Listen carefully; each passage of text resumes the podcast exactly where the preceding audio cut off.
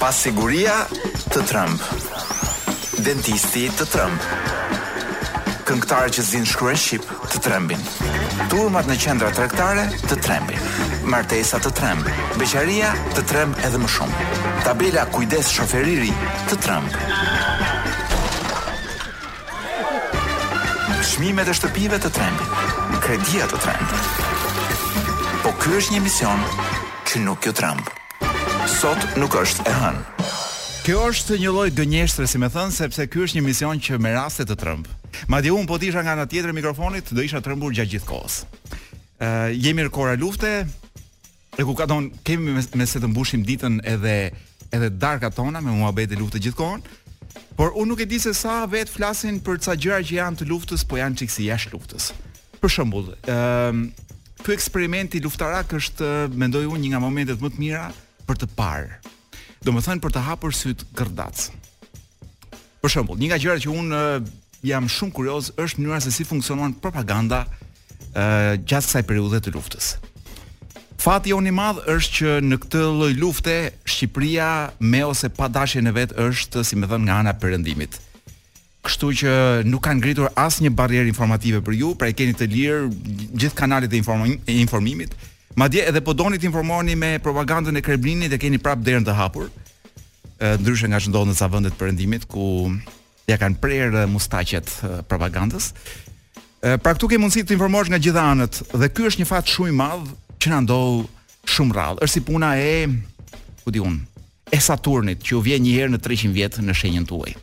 Kështu pra kemi një shans shumë të madh vetë që të, të jemi të hapur ndaj informacionit edhe në këtë rast shqiptarët emocionalisht janë vendosur krah, si me thënë, në krah të Ukrainës. Sepse empatia jonë kur shohim çfarë po ndodh. Por ne mund të ishim shumë mirë dhe aty ku është Kina sot dhe Kina, gjithë ai vend i madh, çik më i madh se ne, është në pjesën më të madhe pro Putinit. Dhe këtu vjen pjesa se sa uh, sy kemi për të parë se ç'ndodh. Në Kinë janë pro Putinit për një arsye shumë të thjeshtë, sepse ata që udhëheqin në Kinë Duan që publiku i tyre të jetë pro Putinit. Pra të gjitha mediat kineze zhvillojnë atë propagandë që i shkon për mbarë Kinës edhe Rusisë në këtë rast. Dhe kur shohim se çfarë ndodh në Kinë, gjëja e parë që të shkon mendja është që Kina është një vend ku të gjitha mediat pra informacioni kontrollohet nga një njeri vetëm ose nga një parti e vetme. Gjeni kush është një vend tjetër për shkakun që ka që është shumë më i vogël se Kina, por ka të njëjtin sistem ku mediat kontrollohen nga një parti ose nga një individ i vetëm. Hm? Dhe gjëja tjetër që ndodh në Kinë është që njerëzit kanë vite të tëra të shplarë nga propaganda. Kina e shkretë ka unë nuk mbaj mend një një periudhë tjetër të Kinës, ku Kina të ketë qenë një vend demokratik, mirëfilli demokratik. Më thoni cili është ai vend tjetër shumë më i vogël se Kina, i cili në gjithë jetën e vet nuk ka qenë kurrë demokratik? Pra ka qenë ose feudalizëm, ose perandori, ose mbretëri, ose diktaturë, ose neodiktaturë? Tani këto përgjigje i gjeni vetë, po unë them që shumë mirë mund të kishim qenë si Kina. Pra, fati jonë i madh që në këtë luftë nuk jemi dot si Kina sepse ë uh, etërit e këtij kombi uh, janë të detyruar të jenë krah Amerikës. Por shumë mirë mund të kishin qenë edhe pro Rusisë, edhe ne do të ishim uh, jo duke u uh, jo duke mbështetur Ukrainën, jo duke bërë koncerte në shesh për Ukrainën, po do ishim duke bërë tifo kështu me të madhe nëpër sheshe pro Rusisë. Dhe kjo gjë nuk ndodh sot, por mund të ndodhë shumë mirë dhe nesër. Kështu që e mira është që të hapim sytë për të kuptuar ku jemi dhe si mundet që këtë dritare që na kanë lënë hapur përkohësisht në rastin e luftës së Ukrainës edhe të Rusisë, të mund ta mbajmë një çik hapur sa më gjatë edhe kur këta nuk duan të na lënë hapur. Kjo është një pyetje për ju. Detyrë shtëpie, si me thënë, Megjithatë, jemi pro Ukrainës, besoj është një empati njerëzore kjo. Dhe jo vetëm kaq që jemi rreshtuar me gjithë kombet e tjera të Europës pro paqes kundër luftës etj etj. Dhe jo vetëm kaq, po kemi prodhuar edhe një këngë në kuadër të një koncerti të në kuadër të një koncerti panbotëror të vendeve të cilat deshën të shprehin emocionalisht dhe me mesazhe po dhe me muzikë ë një opinion apo një një qëndrim kundër luftës. Ky ishte Bojken Lako me një këngë trimash të ndërtuar mbi muzikën e një prej filmave kult të kinemasë shqiptare. Një prodhim i për pak thashë prodhim i Kinostudios, po jo, ky ishte një prodhim i RTSH-së. Të shpresoj mos shqetësohen që ua më thonë që ua vodha këngën, por mendoj që kjo këngë e prodhuar me parat e publikut, i takon publikut, do thënë edhe në qofë se jepet në Top Albania.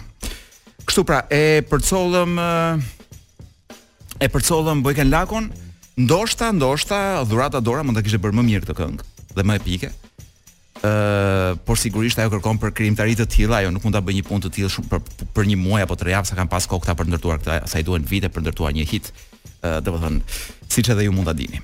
Pjesa e lajmeve të javës që kaloi është pjesa që mua më streson më shumë dhe ky është momenti i kësaj pjese. Më streson më shumë se duhet flas për gjëra që në të vërtetë do doja t'i harroja sa më parë. Ëh, Por këtë javë me ndihmën e kolegut tim Florenc Zerellari jemi përpjekur që të sjellim gjëra sa më gazmore dhe ta përhapim pak lojën, të mos rrimë vetëm te Shqipëria. Kështu pra çfarë kemi? Apo uh, një lajm nuk e di sa e keni uh, sa e keni lexuar, parë apo dëgjuar, por uh, një nga gjërat më gazmore që kanë lidhje me luftën është fakti që nga urrejtja për Putinin, zviceranët kanë filluar të mbledhin firma për një ë do thosha unë për një qëllim që duket më shumë mondan se sa luftarak, ë për të përzën, për të përzën të dashurën sekrete të Putinit, e cila me sa merret vesh këtu jeton ka ose këta dyshojnë që jeton në në pjesën në pjesën gjermanike të Zvicrës. Pra është një peticion do thoja një referendum, po ne në Shqipëri nuk e njohim fjalën referendum, pra nuk e dimë se çfarë është dhe do më duhet shumë kohë për t'ju shpjeguar se ç'janë referendumet në një vend demokratik. Kështu që po e kaloj shpejt këtë pjesën e peticionit, një peticion i cili në vende si Zvicra merret shumë seriozisht. Pra kanë vendosur të eliminojnë të dashur, të eliminojnë, ta ta përzën nga Zvicra Për shkak të urrejtjes që kanë për Putinin, duhet them, duhet më duhet të them që urrejtja për Putinin bashkon një pjesë të madhe të botës sot. ë kësaj shtohet edhe urrejtja për dashnoren e Putinit, që ndoshta është më e madhe, sepse përveç faktit që është e Putinit, po shtohen edhe të tjera, pa moj kjo kuçka, moj kjo kështu, moj ashtu domethënë. Janë urrejtje, kështu që femrat kanë për gjininë femërore, meshkujt për femra që s'i kanë dot vetë etj etj. Pra e zeza përveç faktit që duhet të fshihet nga që është dashnorja e Putinit, është e detyruar që të të hajë gjithë këtë pjesën e genocidit kundër femrave. Çfarë kemi këtu lajm tjetër? Po Shqipëria dhe Serbia, a janë dy lajme në fakt, do t'i bashkoj me njëri tjetrin sepse më duken të dy lajme që mund të martohen bashkë. Shqipëria dhe Serbia paskan nivelin më të lartë të personave që marrin kredi për shkollim. Ndërkohë që nga këto dy vende Shqipëria ka shpenzimet më të larta për vezë dhe qumësht në Europë.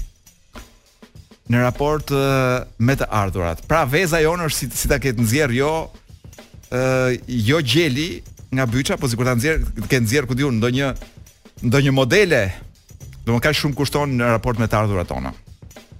Si me thënë, ideja është pak a shumë kjo, shqiptarët hanë bukë me kos dhe me vezë, në mënyrë që të kenë mundësi të paguajnë shkollat me kredi. Në një vend ku arsimi supozohet të jetë falas. Po ç't'ju them, kjo është formula formula sekrete që ka kryeministri për ndërtimin e një shoqërie të shëndoshë. Të paguani sa më shumë për shkollimin në mënyrë që të jeni sa më të pashkolluar dhe t'jua japin kosin për, ku di unë, si është fjalia, ajo është është tjetër gjë, është sapuni për për djathë. Kosin nuk e fusim dot në këto në këto frazat popullore. S'ka ndonjë gjë me kosin? Apo i fryn ë uh, digjet nga qulli dhe i fryn kosit. Pra paskemi një gjë me kos. Ikim nga ky lajm, çfarë kemi tjetër? Po rritja e çmimeve. Po rritja e çmimeve. Një gjë, një nga ato gjërat gazmore që ndodhin në këtë vend, shoqata e bareve dhe restoranteve dhe unë këtu habitem, ah, paskemi shoqatë baresh dhe restorantesh. Shoqata e bareve dhe restoranteve paska paralajmëruar shtrenjtimin e kafes deri në 1 euro. Ë, pra, kaluam nga Shqipëria 1 euro tek ë, kafja 1 euro. Se ç'më vjen për të qarë me këtë kthesë që kanë marrë ngjarjet. Ë, kemi edhe një lajm tjetër i cili sigurisht juve nuk do t'ju bëjë përshtypje fare, Boris Johnson është çuar pra qeveria e tij, më duket se është çuar dhe në një nga gjykatat e larta të të, të Britanisë për faktin që ky i merr përmbledhjen e materialeve sensitive të qeverisë britanike nëpërmjet WhatsApp-it. Tashi e vërteta është që jo Boris Johnsoni por Zuckerbergu që merr një përmbledhje të materialeve sensitive të qeverisë britanike përmes uh, WhatsApp-it. Por çështja nuk është te Britania, se Britania ja ka ca gjykata, ka ca njerëz, don ka ka një shoqëri civile që po e, e denoncon këtë fakt. Por më duhet të them që le ta lëmë mënjanë Britaninë, por një nga shtetet më të fuqishme të NATO-s. Gjeje kush është DJ Vish, një nga shtetet më të fuqishme të NATO-s. Sepse na thërrasin në në takimet e NATO-s nuk e kam marrë vesh kurrë. sepse domethënë edhe një teshtimë të ndodhë në NATO, po qe Shqipëria aty, ajo teshtimë merret vesh sepse ka dalë. Do ne ne e kemi domethënë kanalet tona e nxjerrin menjëherë. Po një nga shtetet më të fuqishme në NATO që është Shqipëria bën jo vetëm çdo komunikim me WhatsApp, por ë domethënë çdo gjë që mund të ndodhë. Edhe kam dëgjuar që edhe pamje private të ministrave dhe ministreshave qarkullojnë lirshëm me WhatsApp. ë të vetmi që janë seriozë Do thoja unë në Shqipëri janë çunat e burgut të cilët kanë kaluar në Signal, që është një si puna WhatsAppit, por shumë më i sigurt. Pra janë ata janë çunat e burgjeve janë shumë më seriozë se sa qeveria, sepse nuk përdorin WhatsAppin që është gjëja më e pasigurt në botë. Por kur ke një qeveri qesharake, sigurisht që edhe komunikimi do të jetë i nivelit qesharak. Kemi edhe diçka tjetër këtu, gjykata e Delhit. Oh, për këtë do flas më vonë DJ sepse jam çikë. Apo kemi kohë? Jo, s'kemi kohë thotë. E ma bën me dorë kështu ik larg, larg nga lajmet. Larg nga lajmet, por jo ju. Rossi. Se kjo kënga s'ka kuptim, po nuk dëgjove dhe fjalinë e fundit. Sono mille papaveri rossi. Është një nga këngët më të bukura për luftën, po kemi folur dhe një herë tjetër, kështu që kush nuk e mban mend, të pyesë ata që e mbajnë mend. Ë, dhe nëse askush s'e mban mend, ja ku është DJ Vishi që mban mend çdo gjë. ishte Fabrizio De André, i cili ka një nga vlerat përveç shumë vlerave të tjera muzikore, ka një vlerë që ka eksploruar dialekte të ndryshme italiane, ndër ta edhe atë napolitan në këngët e veta. Napoli për ata që nuk kanë qenë është një vend shumë i bukur. Për ata që kanë qenë Napoli mund të të ofrojë dy lloj eksperiencash. Pra mund të kesh fat dhe të kesh eksperiencë shumë të bukur në Napoli, por mund dhe të mos kesh fat dhe të ndodhin lloj-lloj gjërash të çuditshme, gjëra që mund mos të ndodhin as në Vlorën e 97-s. Pse po flas për Napolin? Po flas për Napolin se kam këtu përpara një një ngjarje artistike, po jo vetëm artistike që ka ndodhur në Napoli këtu e 300-400 vjet përpara, për në vitin 1974, y gati 47 vjet përpara. 48. Ë ka ndodhur një ngjarje artistike, ka qenë një eksperiment social nga artistja serbe Marina Abramovic.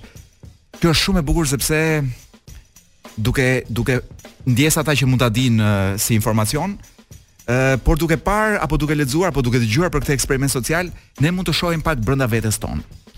Ritmi zero quhej eksperimenti dhe çfarë bëri kjo zonja? Ë kjo bëri një performancë 6 orëshe në Napoli në një studio dhe performanca ishte kjo.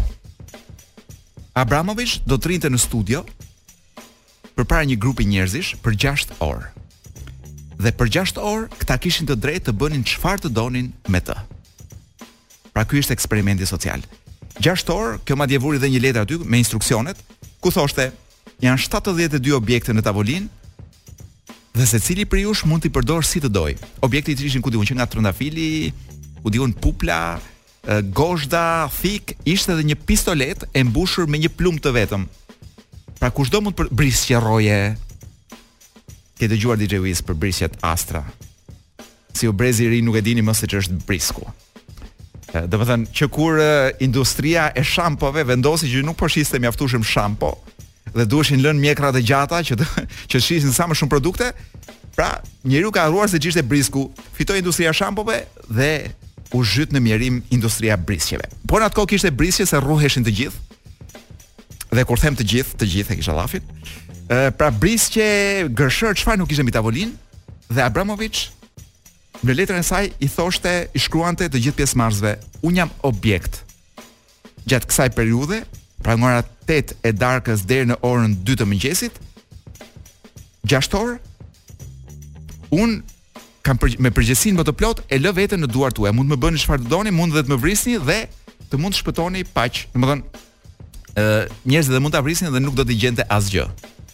Kjo është pak a shumë thelbi i eksperimentit social. Dhe un po lexoj për t'treguar se çfarë ndodhi në këtë eksperiment social. Ëm uh, po e tregoj përshkrimin e njërit prej kritikëve të artit, i cili thotë uh, filloi gati gati në mënyrë kështu si si të butë, si të qetë, si të dashur.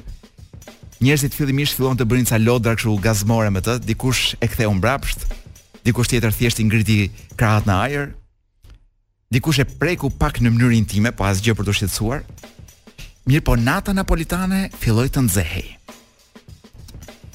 Në orën e tretë, të gjitha rrobat e saj ishin prerë me brisk, pra kishin zhveshur komplet. Në orën e katërt kishin filluar t'i prisnin edhe mishin, Megjithatë, kjo zonja, artiste, ishte kaq e përkushtuar në pjesën e vet, saqë kishte vendosur që edhe në qoftë se do e përdhunonin apo do e vrisnin, nuk do të bënte asnjë rezistencë. Në orën e 5 filluan edhe e, ngacmimet seksuale në trupin e saj. Në një moment, dikush mori pistoletën me plumb dhe ja vuri te koka, madje tentoi t'i merrte edhe dorën, për ta bërë atë që të qëllonte veten me me gishtin e saj. Ky është momenti ku ti thua bobo, ç'ndodh me psikikën njerëzore. Pra si është e mundur që disa njerëz që janë krejtësisht normal, tani ne kemi përvojat tona të përditshme në rrugët e Tiranës ose qyteteve të tjera. Po si është e mundur që qenia njerëzore në momentin që sheh dikë që është i pambrojtur, ka kurajën për ta abuzuar një qenie që ti as nuk e njeh, pra këta e shihnin për herë të parë këtë artiste. Po vetëm për faktin që kjo nuk po bënte rezistencë, këta vendosën që si kalamaj të prap, si ata kalamaj që djegin macet, këta në fakt nuk kishin një mace, por kishin një njeri përballë dhe vendosën t'i bënin abuzimet më të mundshme që kishin që kishin në dorë. Pra e prenë me brisqe gjithandej. Ama në këtë moment një grup i vogël filloi të krijonte një lloj rezistence, pra një grup vendosi ta mbronte nga gjithë ata që donin deri edhe ta vrisnin.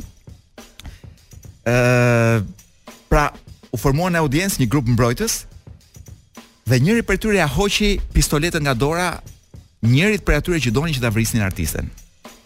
Kështu thot ky njeriu Thomas McEvilley, në qoftë se do t'i bëni një search në Google, i cili ka qenë prezent në këtë në këtë shfaqje artistike, në këtë eksperiment social. Ë, madje filloi dhe lufta mes tyre dhe mbas 6 orësh kur performanca mbaroi, asnjëri prej tyre nuk kishte të drejtë largohej gjatë atyre 6 orëve. Ishte momenti që kjo u ngrit. Pra kur performanca mbaroi dhe kjo nuk ishte më viktimë, u ngrit dhe kishte vetëm një qëllim, t'i shihte në sy këta njerëz. Kur kjo u ngrit, të gjithë ata burrecët dhe burrecet se kishte edhe burra dhe gra aty. Ia futën vrapit. Pra mbasi i kishin bërë gjithë abuzimet e mundshme, nuk kishin më kurajo për ta parë as në sy. Imagjinoni ç'do të ndodhte nëse ky eksperiment do bëhej në Shqipërinë e sotme. DJ ja, e zëmë se do merrim DJ Wizin dhe do e linim për 6 orë do e linim në një dhomë me DJ Wizin për t'i bërë çfarë të donit. Pra, uh, ai nuk do të bënte asnjë rezistencë. DJ Wiz unë për të qenë i sinqertë, vetëm një gjë do kisha kuriozitet të bëja, do të kisha futur gishtin në hundë. Do të thënë po më shumë se kaq nuk e besoj. Por qenia njerëzore qenka shumë e çuditshme dhe ky eksperiment na tregon dhe vajzë kjo artistja vajzë në atë kohë tani është 80 e ca vjeç, një nga artistet më të nderuara të artit performues. Ë ka thënë një fjali ta gjej ku e ka fjalinë se ishte një fjali që më preku shumë. Ë ka thënë këtë gjë. Ajo çfarë mësova nga ky eksperiment është që nëse ti ia lë në dorë audiencës, pra publikut, ata mund të të vrasin. Dhe unë gjatë kësaj periudhe jam ndier tmerrësisht e dhunuar. Më prenë rrobat, trupin, më ngulën gjemba në në stomak, më vunë pistoletën në kokë. Pra ishte një atmosferë agresive me njerëz që unë nuk i kisha njohur kurrë. Dhe më trishtoi shumë fakti që mbasi m'i bënë gjithë këto gjëra, kur unë shkova vetëm për t'i parë në sy, ia futën vrapit. Kaq për këtë eksperiment social DJ Wiz. Na vër një këngë nga Cranberries. Një këngë dashurie nga një nga albumet më të nënvlerësuar të tyre, mua më ka pëlqyer shumë si album në fakt. Ë, uh, apo kemi bllok, nuk kemi reklama. Jo, po s'është ç'bëhet, domethënë DJ Wizi nuk mund ta bëjë që mas Marina Abramoviçit t'ju vërë dhe reklama dhe Cranberries me Shattered. Siç thashë një nga këngët për mua më interesante të albumit Bury The Hatchet, një album i nënvlerësuar, po që kishte një ndjesi kështu si kundër luftës. E dëgjojmë tani.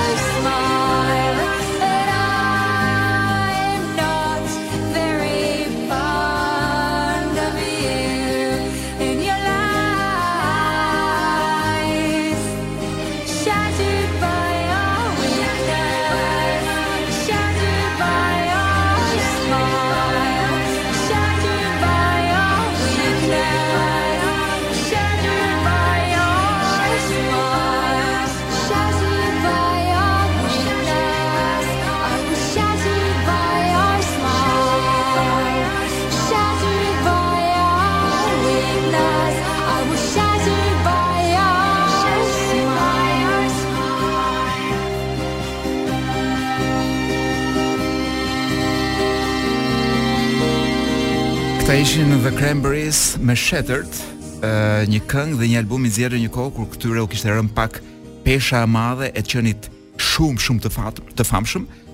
Dhe nganjëherë bënin edhe ca këngë kështu si për qejf. Kjo mua më duket një nga ato këngë DJ Wiz që njeriu i bën për qejf. Ë, pastaj seç ka një kështu një ndjesi kështu, ai zëri i asaj si kristal. Ndjesë pastë. Një këngëtare e jashtëzakonshme dhe një grup i jashtëzakonshëm që kam pasur fatin e madh ta shoh edhe live në Tiranë. sepse dikur vinin grupe live në Tiranë përveç malumrave. Ose më saktë nuk vinin malumra, por vinin grupe të njohur të botës së muzikës. Do të flas pak për gjumin, meqenëse gjumi është lufta ime. Mein Kampf, do thoshte Hitleri. Do sigur do të thoshte Hitleri. Hitleri kishte plane më të mëdha. Unë kam një plan shumë të vogël të luftoj për gjumin. Si njëri që ka vuajtur shumë pagjumësinë, kam kuptuar që gjëja më rëndësishme e njeriut në jetën e vet është gjumi. Njeriu që fle mirë i ka të gjitha me tepricë. DJ Wiz, s'e ke idenë kur fle mirë se si të afrohen femrat. Janë, dmth janë si puna e atyre mizave që vijnë mbas mjaltit në këtë rast. Pra ti bëhesh si mjaltë kur fle. Madje ke vënë re që kur shohin njerëzit që s'ke fjetur mirë, thonë se ç'ke sot, s'ke fjetur, e ta, ta lexojnë në sy që s'ke fjetur mirë.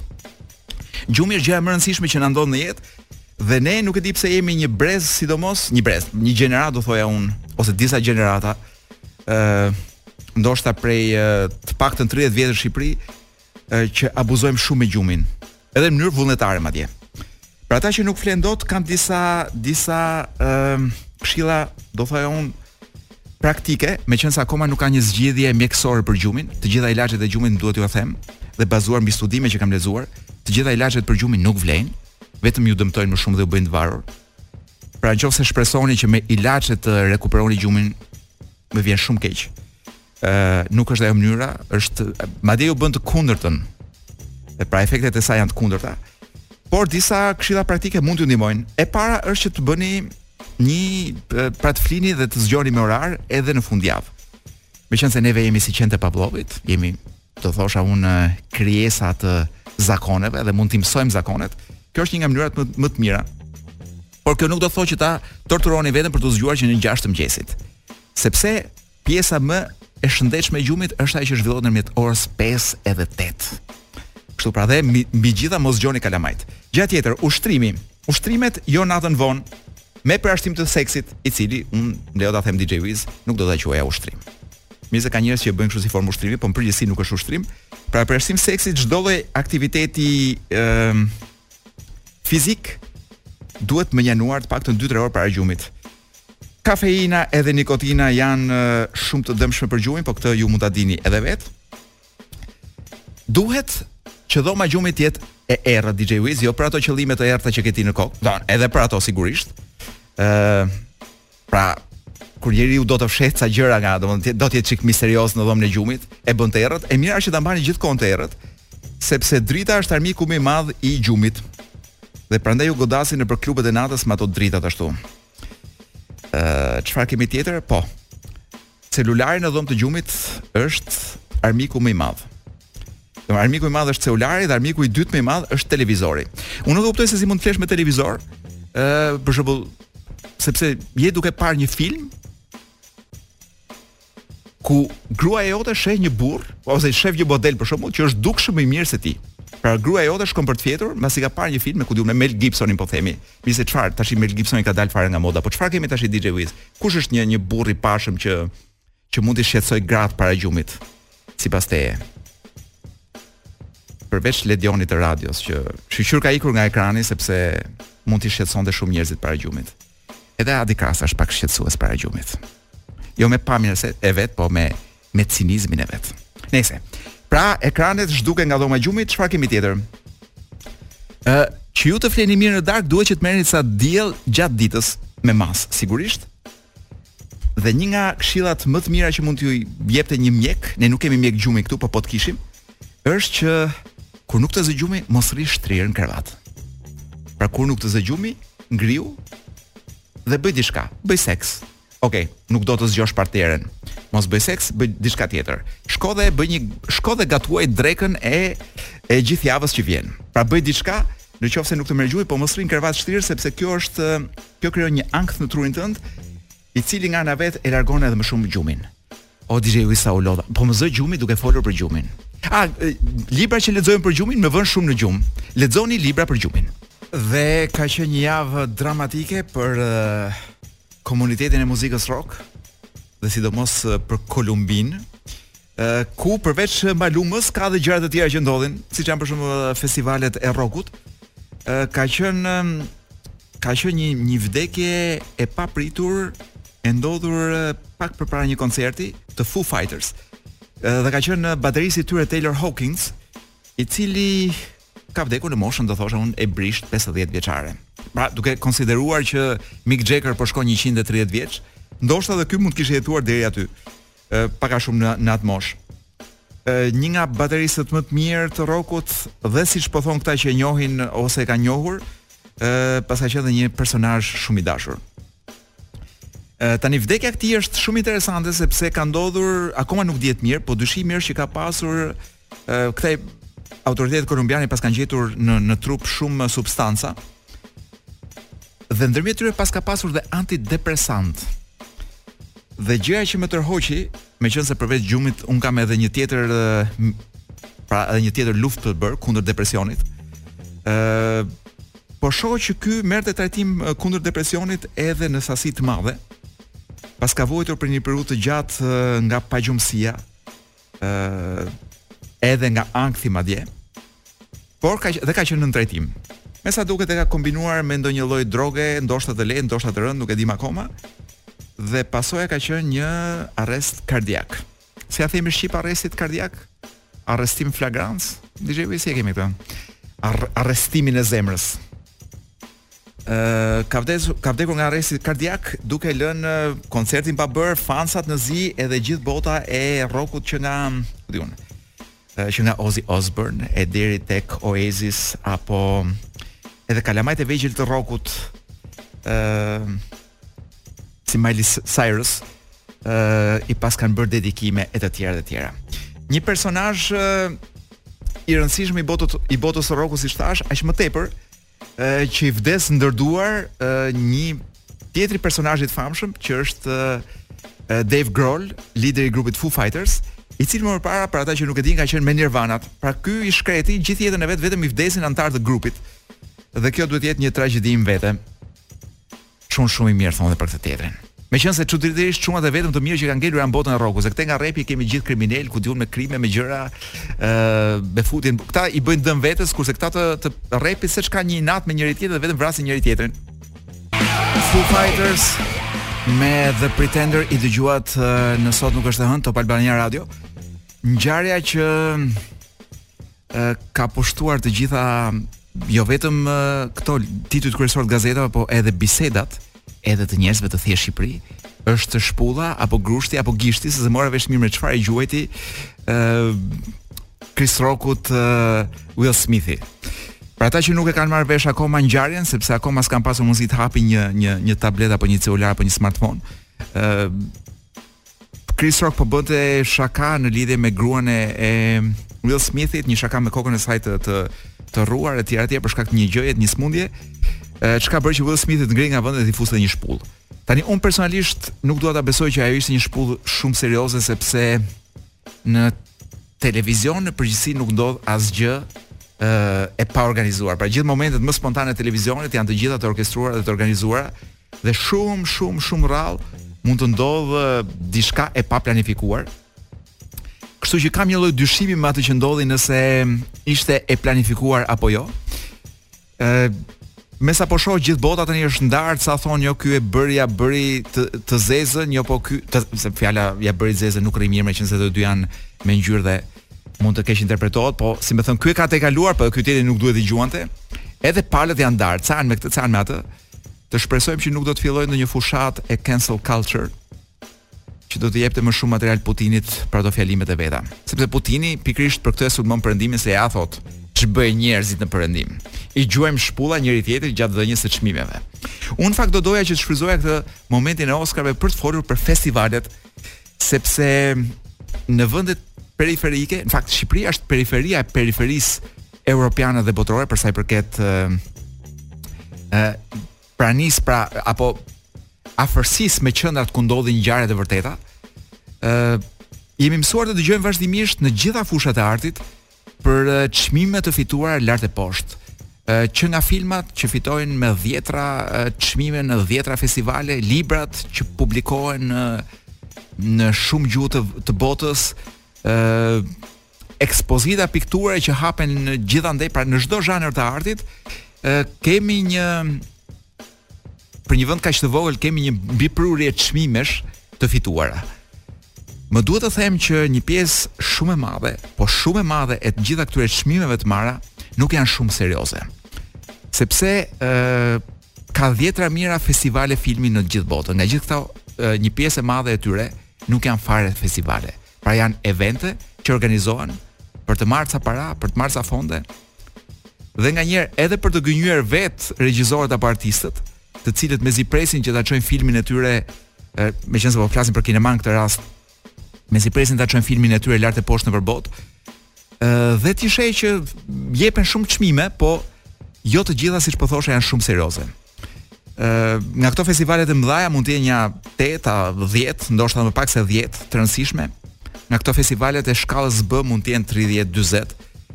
Dhe nga këto të shkallës C mund të jenë nja 50, ja maksimumi 100 në gjithë botën. Ë dhe sa herë që dëgjoni për një festival të zhvilluar në një katund të Amerikës, të Anglisë apo të Italisë, Sa herë që dëgjoni për një për një libër të botuar në filan fshat apo qytezë të të Suedisë apo të Zvicrës, uh, apo edhe për ekspozita pikture të hapura në vende të çuditshme të ndoshta në qytete që ju s'i kishit dëgjuar ndonjëherë, ta keni qartë që nuk janë shumë serioze dhe nganjëherë janë financuar me paratë e këtyre artistëve të shkretë që duan ta shohin veprën e tyre të dalë nëpër botë. Por fakti që ti e boton si libër në një shtëpi totalisht periferike dhe të panjohur të Puljas, po themi, ose ku di unë, të çfarëdo lloj rajoni tjetër të Italisë, nuk e bën nuk nuk të bën ty një autor të botuar për fat keq. Kështu, mirëpo, në Shqipëri, ngaqë ne kemi shumë nevojë të të të të tregojmë që kemi bërë një vepër dhe kemi marrë dhe çmime, nganjëherë mbyllim sytë edhe kur e dim shumë mirë që këto festivale apo këto gjëra, pra këto vende ku ne marrim çmime apo botohemi apo publikohemi apo shfaqemi, nuk kanë pikë rëndësie, ne kemi dëshirë të vijmë këtu dhe t'i themi shqiptarëve të tjerë, shiko, kam marrë kaq çmime. Ë, po t'i heqësh gjithë ato çmime siç thashë të festivaleve të kotit, ngelen shumë pak festivale dhe shumë pak filma dhe shumë pak libra dhe shumë pak ekspozita të vërteta pikture që kanë pasur realisht një sukses jashtë. Kështu pra e nxora dhe këtë helm nga nga trupi im dhe e hodha aty sipër, jua hodha sipër jua hodha juve përpara. Këta ishin Apple Blossom, da këta ishin The White Stripes, kënga është Apple Blossom. E prem pak shkurt sepse duhet DJ Wizi do që të më lërë kohë që unë të lexoj librin. Ë kam një libër sot në dorë që kam filluar ta pëlqej shumë. Po e lexoj shumë ngadalë me me, me dëshirën e mirë që mos më mbarojë. Se kam frikë se më mbaron. Ë në përgjithësi kam vënë re dhe botuesit më thonë, pra njerëzit që merren me botime më thonë që tendenca e njerëzve sot është te librat ë dhe nuk u vë faj te libra që tentojnë të të mësojnë si të bëhesh. Kryesisht libra si të bëhesh i pasur. Si t'i fitosh zemrat femrave. si të jesh i suksesshëm. Unë nuk u vë faj sepse e kuptoj që në kohën që sistemi arsimor nuk të jep asnjë lloj mundësie për t'i arritur këto qëllime, njeriu tenton të shkojë te librat, te trajnimet etj etj. Ë, uh, unë nuk jam shumë i sigurt që ato libra funksionojnë shumë për të të mësuar se si të bëhesh i pasur apo i zoti. ë uh, unë do doja që ndoshta të punoni pak jo vetëm për jo jo, jo vetëm me letërsinë pra të shfletoni letërsi për anën praktike të saj për t'ju mësuar ndonjë gjë, por ndoshta edhe për t'ju zbutur pak shpirtin. Ky libri i kësaj, kjo është një nobeliste Olga Tokarczuk, është polake, titullohet Kaloje plugun mbi kockat e të vdekurve. A nuk të fut rrëqethi o Wiz? Kaloje plugun mbi kockat e të vdekurve. Pasa. Vetë të rrëqeth. Ëm libri përveçse të krijon gjendje dhe ti kur futesh në histori është një botë shumë e bukur që kjo që kjo flet për tre njerëz të moshuar që jetojnë në një një fshat të izoluar nga bora gjatë dimrit. Personazhi është femër dhe është shumë i veçantë dhe shumë simpatik. Dhe ndërmjet ndërmjet faqeve her mas here gjen disa vëzhgime të autores shumë të mprehta për botën. Na t'ju them dhe kush e ka botuar, për, e ka përkthyer për mendimin tim shumë mirë nga polonishti Astrit Beqiraj. Do thon urime për emisionin në këtë rast. Dhe e ka botuar e ka botuar botimet IDK. S'po gjej dot vitin kur është botuar dhe nuk e di a gjendet akoma në shitje, por shpresoj që gjendet në qoftë se ju keni kuriozitet për këtë libër, shpejt e shpejt para se të më mbarojnë minutat. Po shfletoj rastësisht diku. Jo fare rastësisht, në fakt e kisha idenë ku doja ku doja të përqendrohesha. Gjithmonë më kanë tërhequr më shumë fëmijët se sa të rriturit. Sepse dhe vetë jam pak fëminore. Këtu nuk ka asgjë të keqe, është mirë që së paku e di këtë gjë. Fëmijët janë të lakueshëm dhe të butë, të hapur dhe pa pretendime. Dhe nuk e njohin small talk-un me të cilat çdo i rritur është i zoti ta çojë dëm gjithë jetën e tij. Për fat keq, sa më të rritur, aq më shumë i nënshtrohen pushtetit të arsyes. Shndërrohen, siç do siç do thoshte Bleku, në qytetarë të Ulros dhe atëherë nuk është më aq e lehtë dhe e natyrshme t'i sjellësh në rrugën e duhur. Prandaj më gëzonin vetëm të vegjlit. Ata pak më të mëdhenjtë, të themi mbi 10 vjeç, bëheshin më të shpifur edhe se vetë të rriturit. Në atë moshë fëmijët humbasin individualitetin e tyre. Unë e shihja si ngurtësoheshin duke hyrë pashmangshmërisht në moshën e pjekurisë, çka bënte që pak e nga pak të bëheshin të varur nga dëshira për të qenë si të tjerët. Në shumë pak syresh vazhdonte ende lufta e brendshme, ndeshja me këtë formë të re, por që në fund edhe ata kapitullonin, pothuajse të gjithë.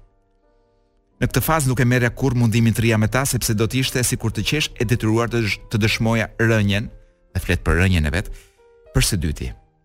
Më së shpeshti u jepja mësim fëmijëve deri në prag të këtij kufiri, do të thotë maksimumi deri në klasën e 5. DJ Wiz kam më kohë? Apo A kam dhe një dyminutësh fiks. Atëherë po shflet, po gjej ndonjë moment tjetër sepse këtë desha t'ua t'ua lexoja pikërisht për shkak të ë për shkak të ë përsiatjeve mbi fëmijët. Atëherë, në mesin e marsit po lexoj një faqe tjetër. Në faqen 112. Në mesin e marsit kur ndihesha krejt mirë, nisa një inspektim në shkallë të gjerë.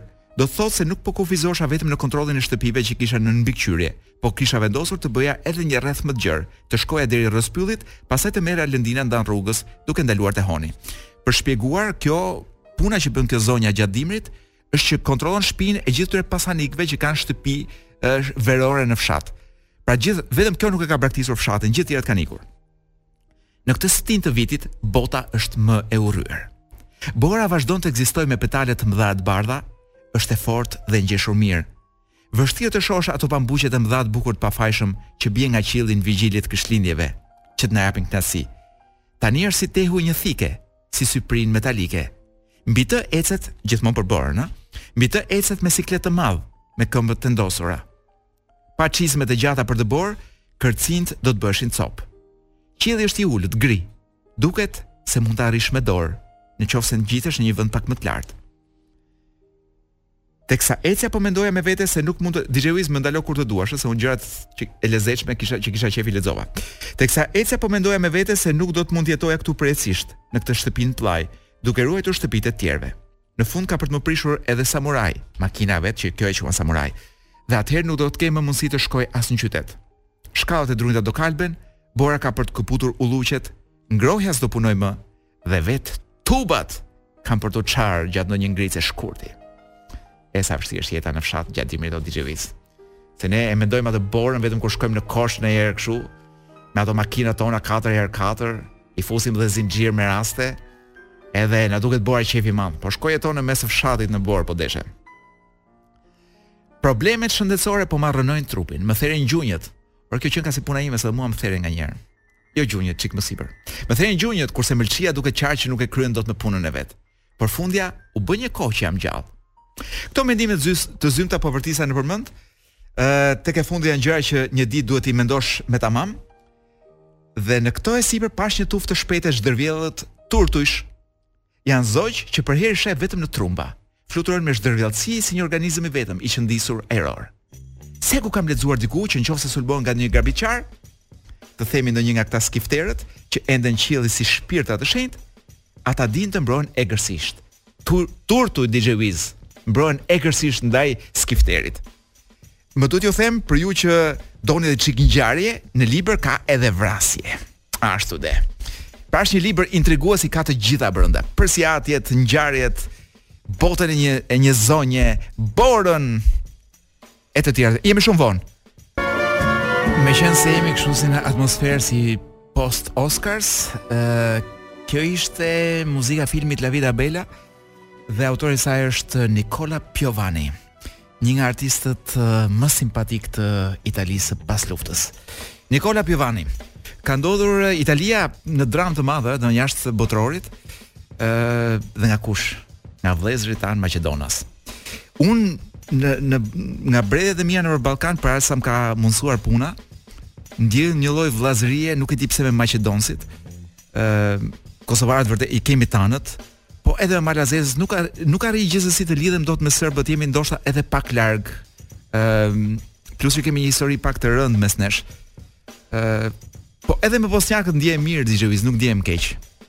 Dhe u shqetësova kur pashë në lajmet e masndeshjes së Maqedonisë me Italinë ku një nga format për të festuar nga maqedonësit ishte një këngë nga këto nacionalistet racistet që thotë diçka tipit një shqiptar është i mirë vetëm kur është i vdekur do të jetë ndonjë gjë e importuar ndoshta nga serbët ose qarkullojnë gjithë këto nacionalistet antishqiptare Dhe më më bëri kështu dom u shqetësova për maqedonsit se për serbët jemi mësuar që t'i t'i konsiderojmë si shabllon, pra sikur janë nacionalistë dhe racistë, po po ç'ne maqedonsit, domethënë nga u vjen gjithë kjo gjithë kjo urrejtje një komb i që vuan, një komb i që vuan, vuan nga grekrit, të cilët nuk i lënë të ngrenë kokë, i detyruan të ndrojnë emrin e, e vendit, ë i pengojnë në çdo hap të tyre të, të antarësimit, ë pas grekërve filluan bullgarët, pra është një komb i vuajtur siç mund të kemi vuajtur dhe ne.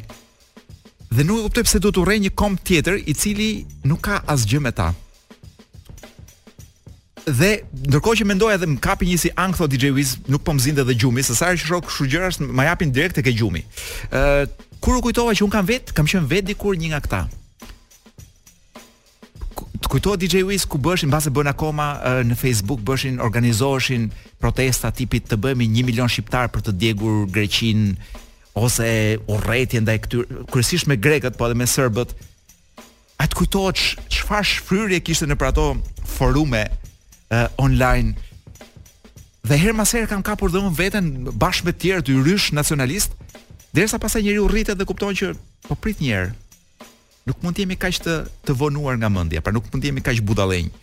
Ë, uh, sepse si mund të urrejmë, si mund të urrejmë për shembull grekët, që mua personalisht nuk më kanë bërë asgjë. Aq më tepër kur po të vi puna për kush na ka bërë gjë, atë që po na bën shqiptari për një 100 vjetësh, dhe sidomos këto 30 vitet e fundit nuk e ka bërë asnjë grek. Ë, uh, kështu që nuk e kuptoj pse duhet të urrejmë. Po këto mbase vijnë kur njeriu piqet sa por kam parasysh miq të mi të të të, të urrejtjeve nacionaliste që vazhdojnë sot e kësaj dite që po shkojnë 200 vjeç dhe vazhdojnë të jenë akoma domethënë ato nuk u ka dalë ajo urrejtja prej kalamanëve dhe këtu kam kuptuar që njerëzit hallet e veta i shfryjnë në këtë lloj forme duke urryer të tjerët. Pra këta maqedonësit që bërtasin kundër shqiptarëve nuk është se kanë gjë me ne, në fakt e kanë me veten e tyre. Pra njerëz të frustruar, të vuajtur, të lodhur, të shtypur, dhunuar, të cilët gjejnë vetëm një formë do thoja un idiote për të shfryrë gjithë këtë gjë që kanë brenda. Kështu që më vjen ca gjynah për ta. Sikurse vjen ca gjynah për ca shqiptarë të tjerë që janë po kaq pa asnjë lloj arsye janë racistë, ku di un ndaj romëve, ndaj ka ka njoh njerëz që kanë akoma sot e kësaj dite racizëm ndaj zezakëve, me të cilët s'kanë pasur kurrë të bëjnë. Thjesht se kanë nevojë të shfryjnë atë stresin që kanë brenda. Kështu që duke shpresuar që ju të largoheni, e këtu po bëhem çik moralist, po më dhimbsen njerëzit kur i kam miq, po edhe kur s'i kam miq, që vazhdojnë dhe bëhen pjesë e këtyre grupeve nacionaliste sepse Kjo vetëm na përbalt të gjithëve. Pra, nëse ju jeni shqiptar nacionalist apo racist diku, edhe un kam çik faj brenda vetes dhe ajo balta që ju hidhni është sikur e kam hedhur edhe unë dhe prandaj nuk më vjen mirë. Kështu që rregulloni çik atë jetën tuaj, fusni ca humor dhe ca gëzim në jetën tuaj. Ndreqni ato hallet tuaja, shkoni dhe votoni ashtu siç duhet për të ndryshuar çik jetën tuaj dhe pastaj filloni dhe merruni me me grekët e ku di un. Meqenëse ra llafi kam njohur vetëm grekë të mirë në jetën time DJ Wiz. Dhe domethënë grek grek greke të bukura nuk kam parë kurrë për fat keq, por grek të mirë kam njohur sa të duash. Kështu që nuk mund ta kuptoj as urrejtjen ndaj grekëve. Kështu pra. E bëm dhe një, e thamë dhe atë pjesën tonë moraliste DJ Wiz. Kjo është një shenjë që po plakem. Sa herë e kap veten duke bërë moral, kuptoj që jam plakur. Do të rrimë tek sportet, po nuk është tamam tamam sport. Arctic Monkeys. American Sports, po nuk flet për sportet, flet diçka për më shumë ose përtej sporteve. Këta ishin Arctic Monkeys me American Sports. Ë, uh, ju po dëgjoni Top Albania Radio dhe un kisha harruar gjën më të rëndësishme ë uh, pra për DJ Wizin. Uh, kisha harruar gjën më të rëndësishme të darkave tona ë uh, në këto net që nuk janë as të hëna. Uh, edhe pse, siç thotë Timo Flloko, në këtë vënd ka edhe të hëna. Uh, Milena, mi, uh, Helena, si e ka ajo? Helena Mihajlovna. Kështu pra, nuk kemi folur për seksin, edhe pse kanë që, ka qenë çikë periudhë jo seksuale, DJ Wiz, kjo, kjo kohë. Domethënë shumë luftë edhe as pak seks. Uh, Dhe mbi gjitha, gjithë gjërat që kanë të bëjnë me seksin kanë filluar të më shqetësojnë pak, me thënë të drejtën. Kanë filluar më të më shqetësojnë sepse ë uh, për ne flasim për gjëra që unë mendoj që janë interesante këtu por bota e televizionit, prej nga na vjen gjithë informacioni që kemi, është bërë tashmë vetëm pornografi. Pra, ti hap një një po themi një serial që të duket që është për adoleshentë thua, pa të shohim ç'bëjnë këta adoleshentët e sotëm, kur vetëm fillon seksi baba bum don direkte, do të thotë unë edhe filma pornografik që kam parë nuk më kanë shqetësuar aq shumë. Sa një serial e harrova dhe emrin, një serial për për adoleshentë që tentova të shikoja para pak kohësh. Kështu që pse jemi bërë kështu DJ Wiz? Do pse është bërë gjithçka pornografi? Pse kemi arritur në pikën që nuk ka më as takime? Pra njerëzit nuk takohen më, pra nuk ka më date, nuk ka si themi, është takime. Për shkak që të takosh një 3-4 javë me një femër para se të përfundosh në krevat. Gjithë duan që herën e parë. Pra gjithë librat ose këshillat që kërkojnë është si të shkojmë në krevat që herën e parë. Pra, sepse dashuria DJ Wiz është kthyer në një transaksion. Meshkujt kërkojnë seks, vajzat kërkojnë siguri financiare dhe pap pap transaksioni, nuk ka më dashuri në këtë vend. Dhe imagjino unë tashi do them dhe gjë tjetër që do të të, të, të traumatizojë komplet që për masat e penisit tënd mund të varen një çikë nga mamaja jote. Pse do thuash ti? Është si biçim Tash si ta them, ë uh, pas kanë bërë një lloj ë uh, uh, studimi, gjithë puna shkon te kromozomet, por nuk e di nëse do ndalem te kromozimet te kromozomet edhe ta shpjegoj këtë, po mund të them që po bëj një përmbledhje me aq sa mundem për masat e penisit DJ Wiz, të cilat shqetësojnë të gjithë llojet e burrave, pavarësisht nëse janë ministra apo janë eh, hamenj. Në fakt ministrat i shqetëson më shumë, kam dëgjuar. Kam dëgjuar thashetheme për ministra, të cilët eh, shkojnë dhe bëjnë operacione seksuale, jo vetëm për ta rritur në përmasa, po edhe për t'i dhënë ku di unë ngjyrë, eh, për t'i dhënë forma të ndryshme ku di unë. Jan nuk dinë më ç'të bëjnë me paratë që kanë fituar. Atëherë po flisja për këtë punën e e përmasave të penisit që është një kombinacion po lexoj këtu te ky studimi i gjeneve të ndryshme dhe kryesisht varet nga kromozomat e seksit, të cilat merren nga prindërit. Dhe gjeje se cilat janë ato kromozome që na ndikojnë, janë pikërisht pikërisht ato të cilat merren nga mamaja. Ëh, kështu që urime për gjithë ata që janë vëllezër, po kanë të njëjtën mama, sepse kanë shanse shumë të mëdha, po themi për të uh, për të pasur uh, një per, po themi në duke një performancë të mirë. Ata që janë me mama të ndryshme mund të kenë shumë ndryshime në përmasat uh, e xhevahirëve të familjes, si ta them ndryshe. Ëh, uh, pra dhe varen nga mamaja dhe jo vetëm nga genet e mamasë, ë uh, por varen shumë edhe nga po themi gjithë ë uh, mënyra se si mamaja është ushqyer apo e ka përgatitur trupin e vet përpara se të vijë kjo shtatzani në jetë. Kështu që po qëlloi që ti ke lindur dhe shef që vëren që ë uh, mamaja do që penisi yt po themi është ngjan shumë si prej gome. Atëherë nuk është çudi që mamaja jote Këtu po spekuloj, të ketë ngrënë shumë ë shumë peshk gjatë kohës së shtatzanisë dhe peshku dihet që është i gjithi me plastikë brenda. Kështu pra. ë ka shumë të dhëna të tjera të cilat çojnë që ë pra nga nga genet por edhe nga forma do thosha unë trupore e mamasë varet pak edhe përmasat e penisit. Tani unë nuk e kuptoj mirë se pse shkencëtarët kanë kaq shumë dashuri sepse për të studiuar penisët, sepse vazhdimisht më dalin përpara studime që kanë të bëjnë me këtë me këtë ë pra me këtë lloj teme.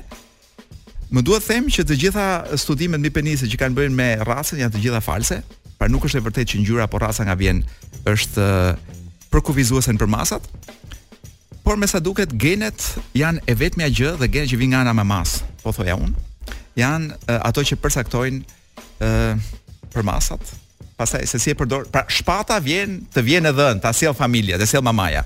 Se si e përdor ti shpatën DJ Wiz? Ë, uh, kjo është puna jote. Op, ç'm'u kujtua një gjë me shpatën, mund ta them në radio një batutë me shpatë apo jo? Ë, jo, nuk po e them DJ Wiz sepse është ë do e them po do u ulet vlera gjithë këtyre shpatarëve të mëdhenj që kemi në historinë e Shqipërisë, kështu që sepse sa më e madhe shpata thonë, aq më shumë komplekse kanë pasur këta. Kështu ne që themi që Skënderbeu kishte shpatën e madhe, kjo na çon të mendojmë që Tani njerëzit lanë shpatat dhe morën makinat e shtrenjta për të kompensuar, si me thënë. Shpata e madhe dhe makinat e shtrenjta janë kompensim për penisë të vegjël. Ashtu de, e thamë dhe këtë. E mbyllim këtu me orën seksuale. Kemi më për të thënë DJ Wiz apo t'i lajmë duart dhe të ikim nga kjo studio. Do t'ju lëshojmë një këngë tani që është pak e egër për t'ju përgatitur për një, ë?